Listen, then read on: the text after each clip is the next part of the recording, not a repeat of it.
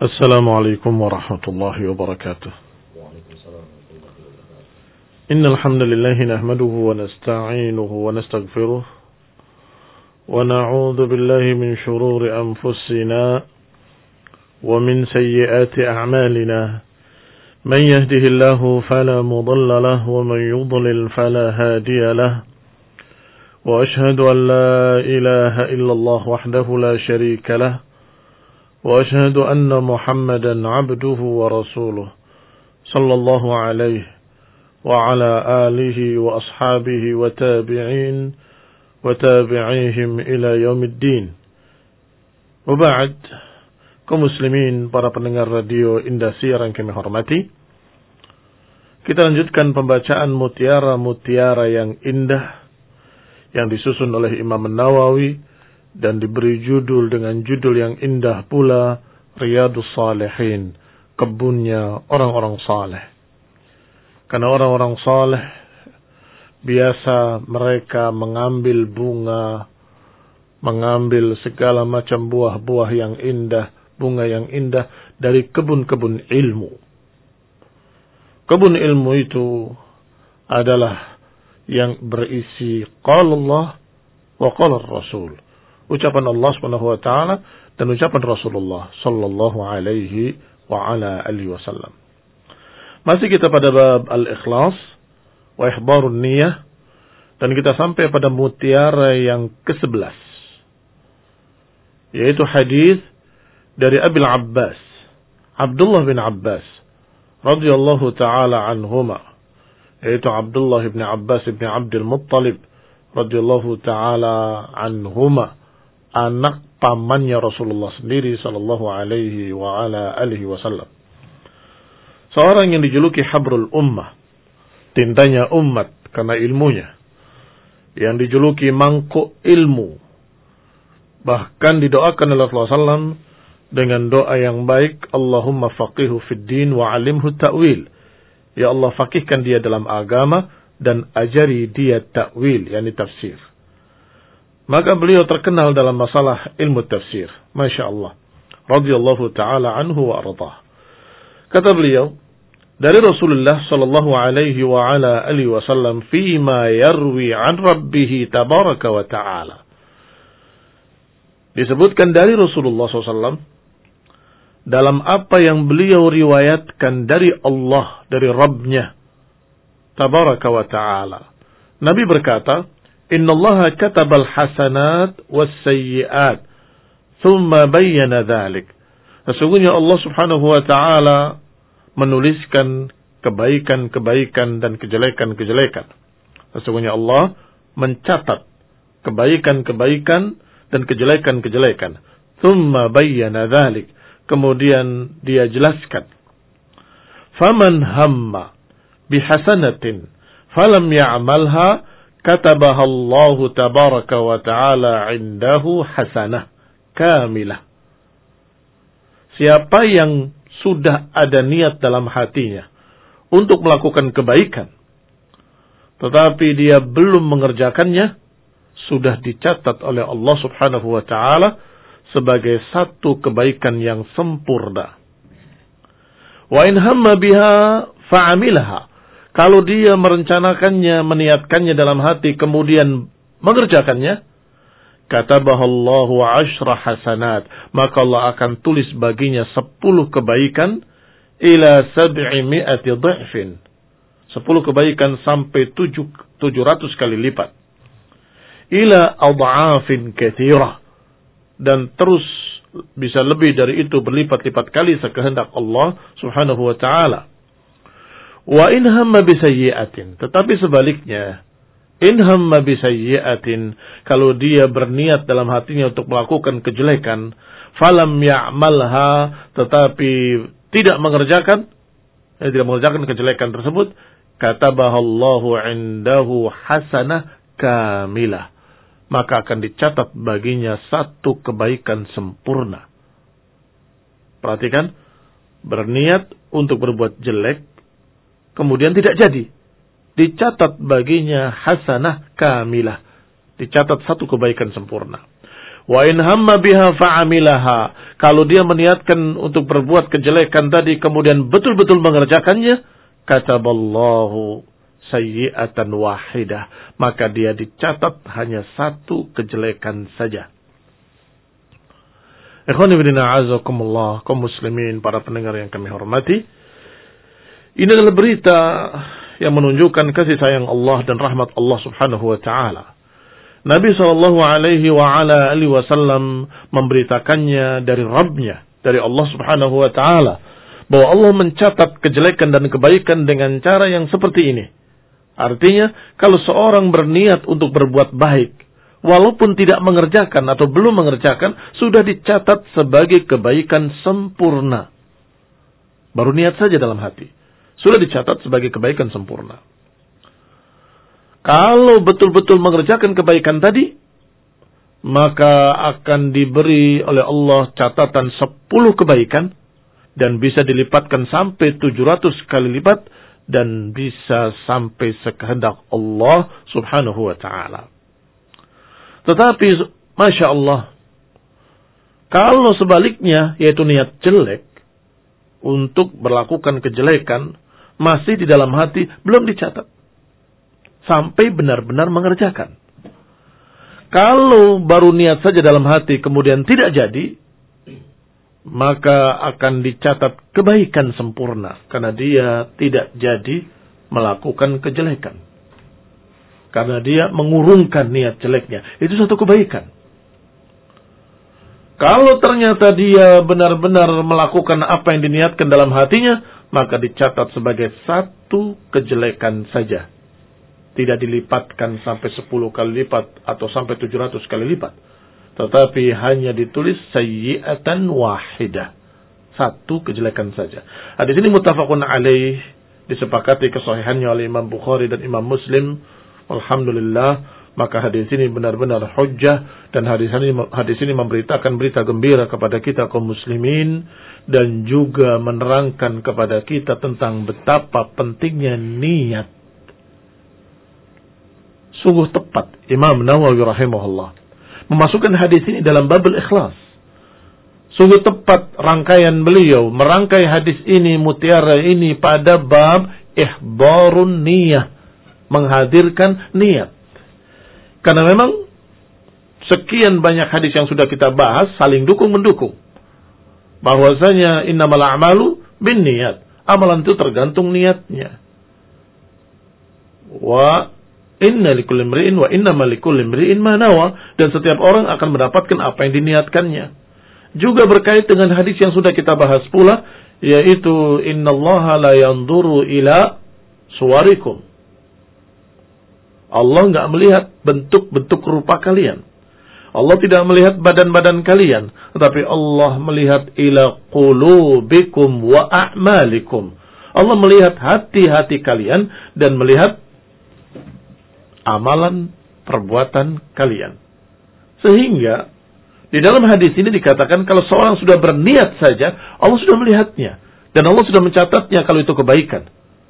Idza nawa khairan atau hamma berkeinginan sudah ada dalam hati keinginan untuk melakukan kebaikan, itu sudah baik. Artinya orang itu sudah memiliki kebaikan. Karena sudah ada di dalam hatinya keinginan untuk berbuat baik. Apakah kemudian dia melakukannya ataupun tidak sudah dicatat sebagai satu kebaikan yang ada dalam hatinya bahwa orang ini niat baik. Barakallahu fiikum. Tetapi ketika dia benar-benar melakukannya akan dilipatkan oleh Allah 10 kali lipat. Sampai 700 kali lipat. Hingga sekehendak Allah subhanahu wa ta'ala. Tetapi karena rahmat Allah, kalau yang diniatkan kejelekan belum dicatat. Orang ini berkeinginan untuk berbuat sesuatu kejelekan. Belum dicatat, masih tertahan pena. Ketika orang tadi benar-benar mengerjakannya, maka baru ditulis itu pun cuma satu kejelekan dan tidak dilipatkan. Allah Subhanahu wa taala arhamur rahimin. Allah Subhanahu wa taala Maha Penyayang, Maha memiliki rahmat. Kaum muslimin yang saya hormati, kita ingat hadis yang lalu, hadis dari Abi Bakrah Nufai' ibn al-Harith al-Thaqafi, bahwa Rasulullah SAW menyatakan kalau dua orang muslim idal taqal muslimani bisayfayhima fal qatil wal maqtul finnar. Kalau dua orang muslim bertikai dengan pedangnya masing-masing, maka yang terbunuh dan yang membunuh dua-duanya dalam neraka. Mungkin ada yang melihatnya bahwa hadis ini bertentangan dengan hadis yang sedang kita baca.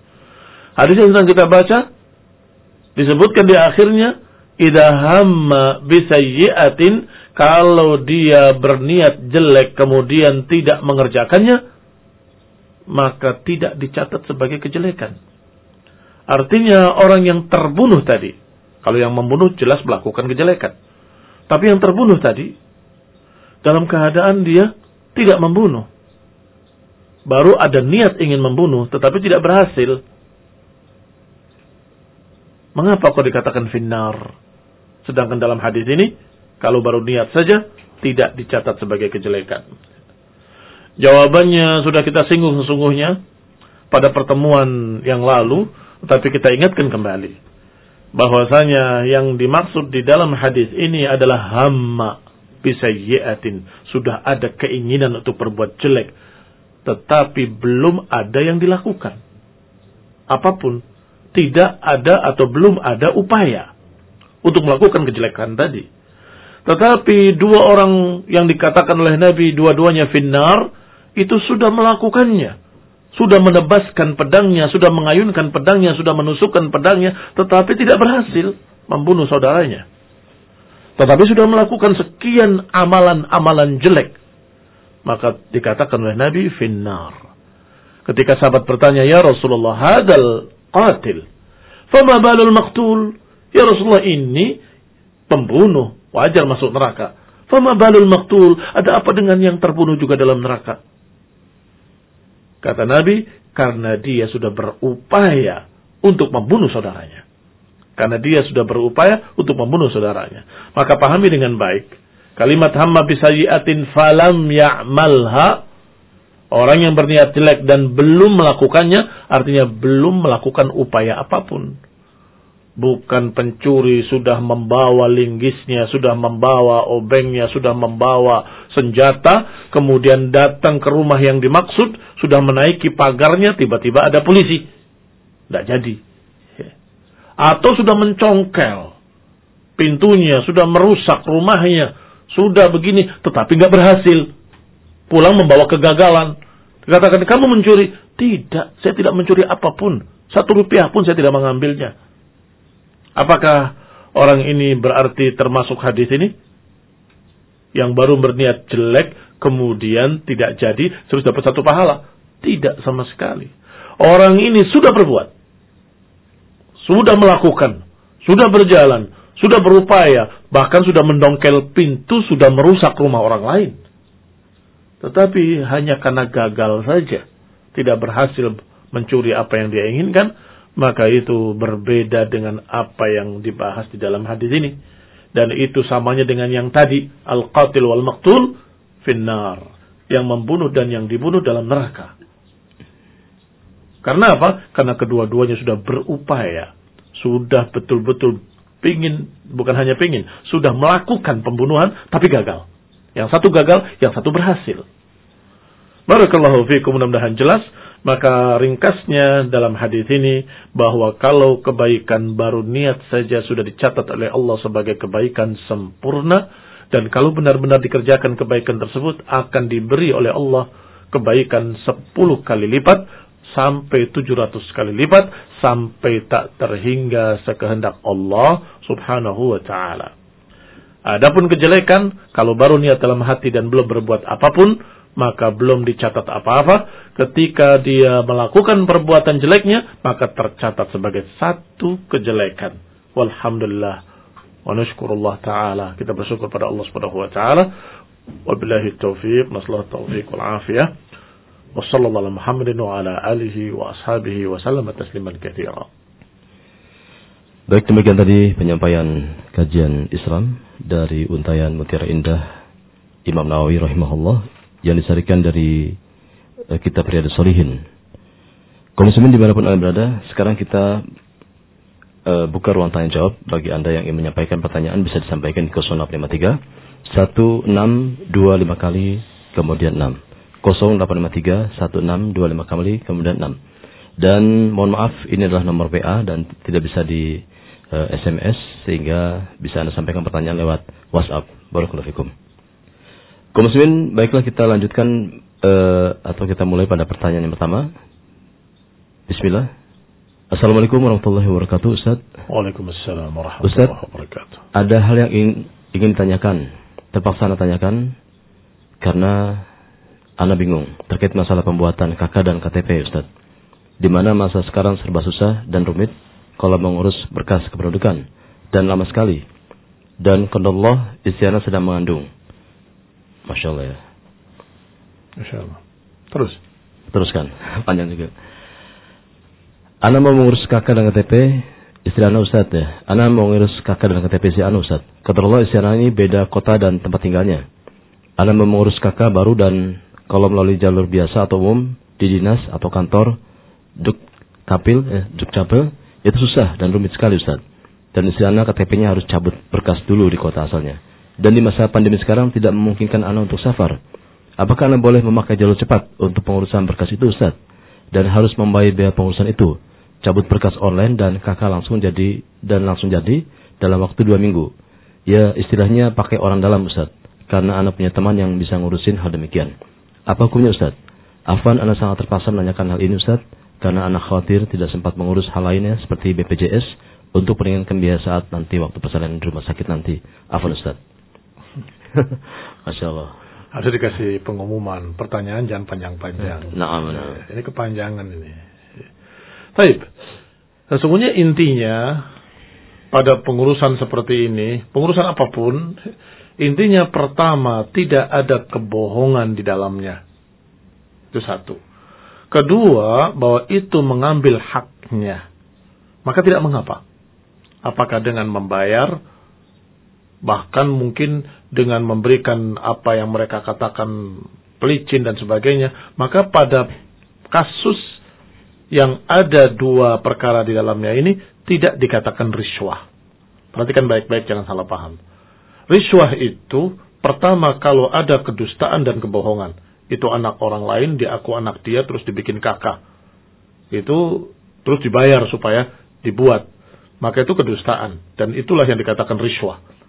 Dia ingin melegalkan kedustaannya dengan harta, dengan uang suap, maka itulah riswah yang Nabi menyatakan ar-rasyu al-murtasi finnar.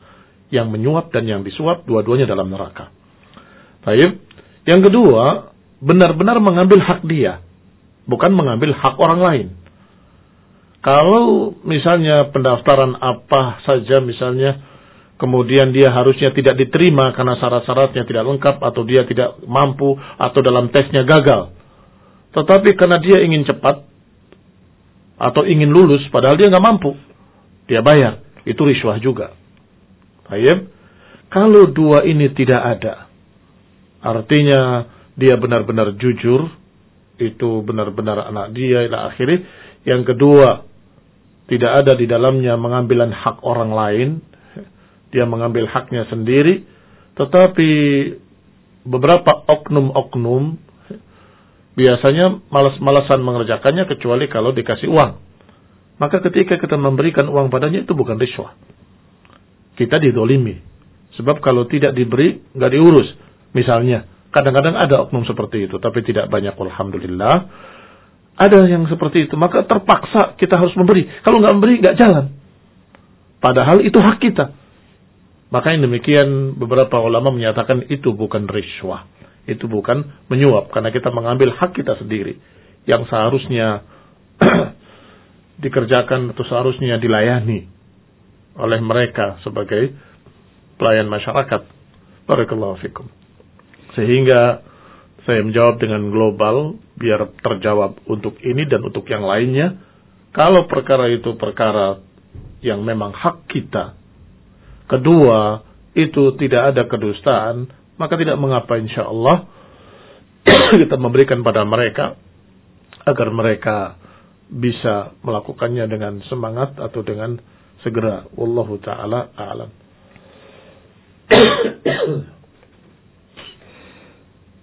Berikutnya Ustaz, uh, jika seorang wanita dalam masa idah yang diceraikan atau talak raj'i oleh suaminya, apakah boleh bagi wanita tersebut jika suaminya hendak berangkat bekerja seperti biasa rutinitas, dia berjabat tangan, kemudian e, mencium tangan sang suami ataupun cipika-cipiki. Dan bolehkah dia dalam satu kamar tanpa e, komunikasi suami istri? Barakallahu. Nah, istri yang dicerai kalau talaknya talak raj'i yang masih bisa rujuk lagi, berarti talak pertama atau kedua, maka wanita tadi masih di masa iddahnya atau selama masih di masa iddahnya, dia berhak mendapatkan tempat tinggal, berhak mendapatkan maisha, berhak mendapatkan bahkan dianjurkan untuk tetap tinggal di rumah suaminya. Baik, barakallahu fikum. Bahkan tidak mengapa tidur satu kamar juga. Mengapa demikian? Karena hikmahnya, kalau kalau mereka kemudian bisa rujuk kembali. Sehingga kalau bertanya bagaimana, bolehkah jabat tangan kemudian mencium pipi suami atau cipika-cipiki bagaimana kita kenal secara umum kalau mau berangkat kerja dan sebagainya. Boleh enggak? Saya berharap kalau dengan itu berarti dekat untuk rujuk kembali. Masya Allah kalau sudah seperti itu. Kenapa tidak rujuk saja? Kata Allah Subhanahu wa taala, "Was-sulhu khair."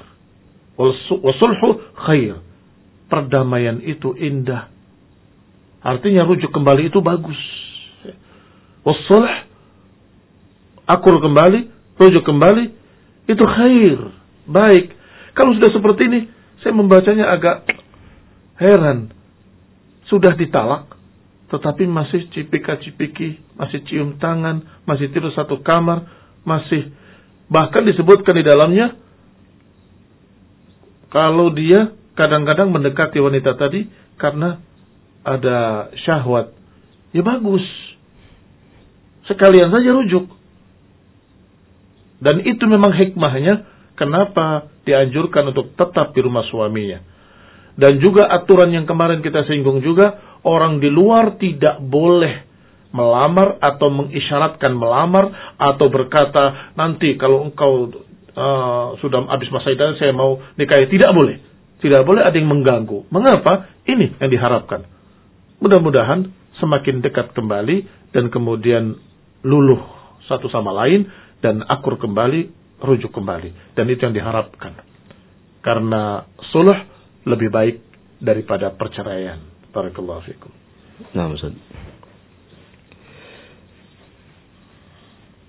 Berikutnya, rumah saya di depan makam. Apakah saya harus doa kalau keluar rumah? Jazakumullah khairan. Jadi mungkin depannya ada makam, kemudian mau keluar rumah, apakah harus baca doa juga? Bukan masuk keluar rumah. Hmm. Ketika melewati kuburan tersebut, hmm. keluar rumah, doanya lain lagi. Bismillahirrahmanirrahim. Itu ketika keluar rumah. Hmm. Ketika kamu berjalan lewat kuburan tersebut, kamu doa. Atau beri salam. Assalamualaikum diyar. Assalamualaikum ahli diyar. Muslimin wal mu'minin. Antum sabiqun wa inna insyaallah bikum lahiqun. Nasallahu lana wa lakum al Tapi saya rumahnya di depan makam, Ustaz. Berarti tiap hari saya berdoa. Berarti tiap hari kamu dapat pahala. Oh, Kenapa? Dan memang tidak wajib. Kadang-kadang mungkin lupa tidak mengapa. Atau kadang-kadang sedang sibuk menelpon seseorang yang nggak mengapa insya Allah.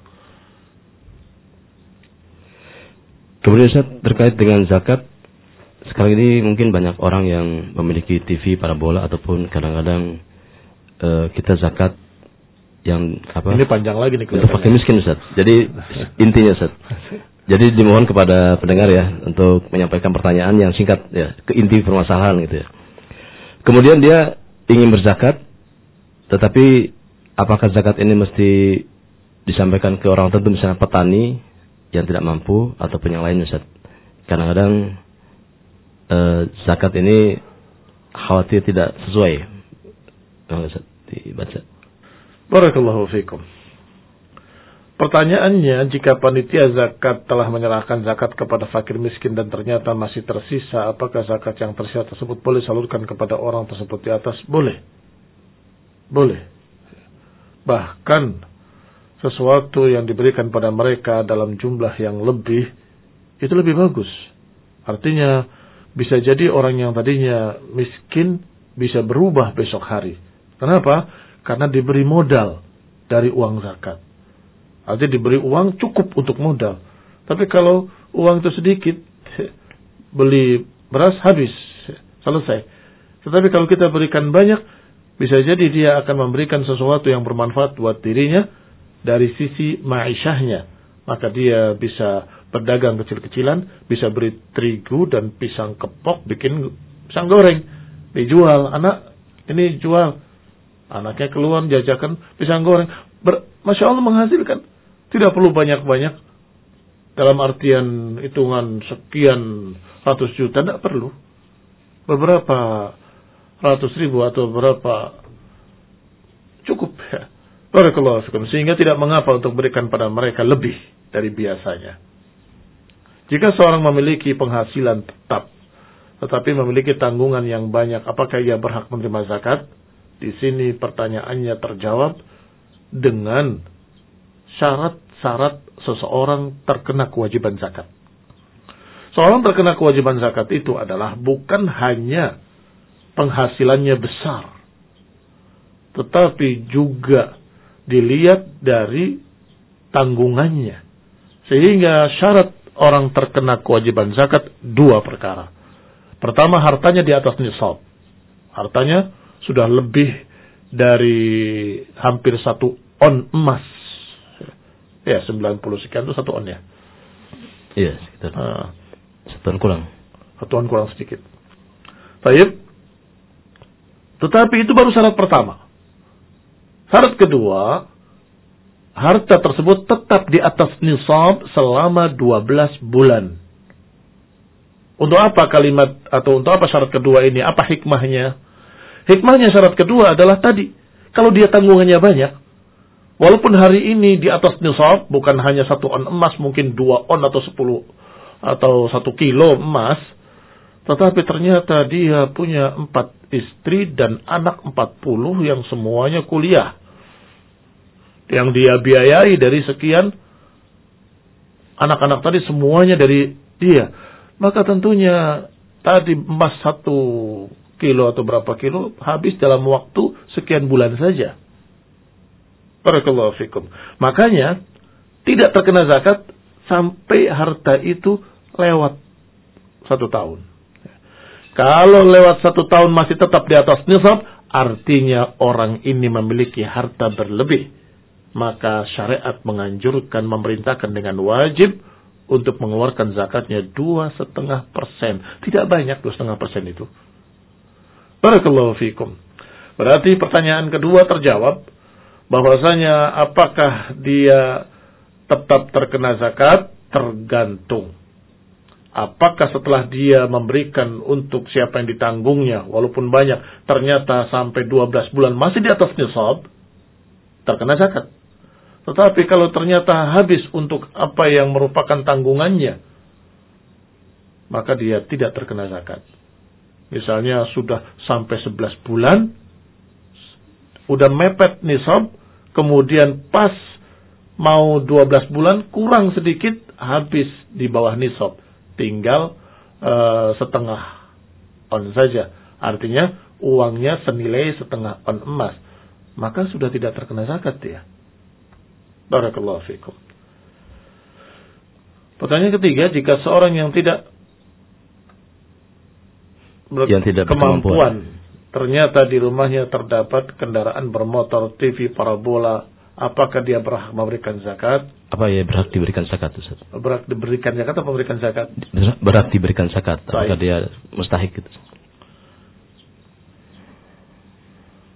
Seorang yang dalam keadaan tidak mampu untuk menghidupi dirinya dan anak-anaknya atau keluarganya atau pas-pasan maka mereka berhak untuk mendapat zakat atau seorang yang hartanya masih di bawah nisab.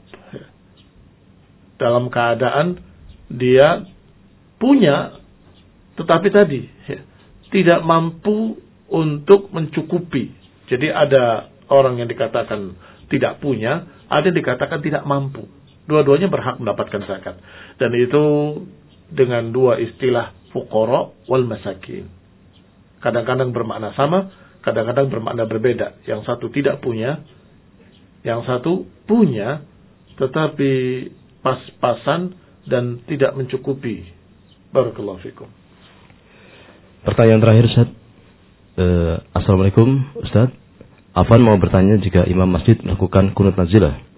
Apakah kita ikut dalam keadaan hanya di masjid itu saja yang mengadakan kunut? Jazakumullah khairan. Kalau itu adalah imam rawatib dan imamnya kunut, maka makmum ikut kunut. Mengaminkan kunut tersebut maksudnya. Barakallahu fikum. Nah. Baik Ustaz, waktunya sudah habis dan juga eh, pertanyaan-pertanyaan uh, lainnya insya Allah kita akan tanyakan besok. Barakallahu fikum. Dan komisimin terima kasih atas kebersamaan Anda dan juga pertanyaannya. Semoga akan memberikan manfaat bagi kita semuanya, bagi kaum muslimin semuanya. Dan kepada Ustaz Muhammad bin Marsawet pun kita kami ucapkan jazakumullah khairan oh, iya. atas kehadirannya untuk menyampaikan tausiah dan menjawab pertanyaan. Oh, iya, Baik muslimin atas uh, perhatiannya kami ucapkan sekali lagi terima kasih dan mohon maaf atas salah dan kurangnya. Wassalamualaikum Muhammadin walhamdulillahirabbil alamin. Subhanakallahumma bihamdika asyhadu an la ilaha illa anta astaghfiruka wa atubu ilaik. Wassalamualaikum warahmatullahi wabarakatuh.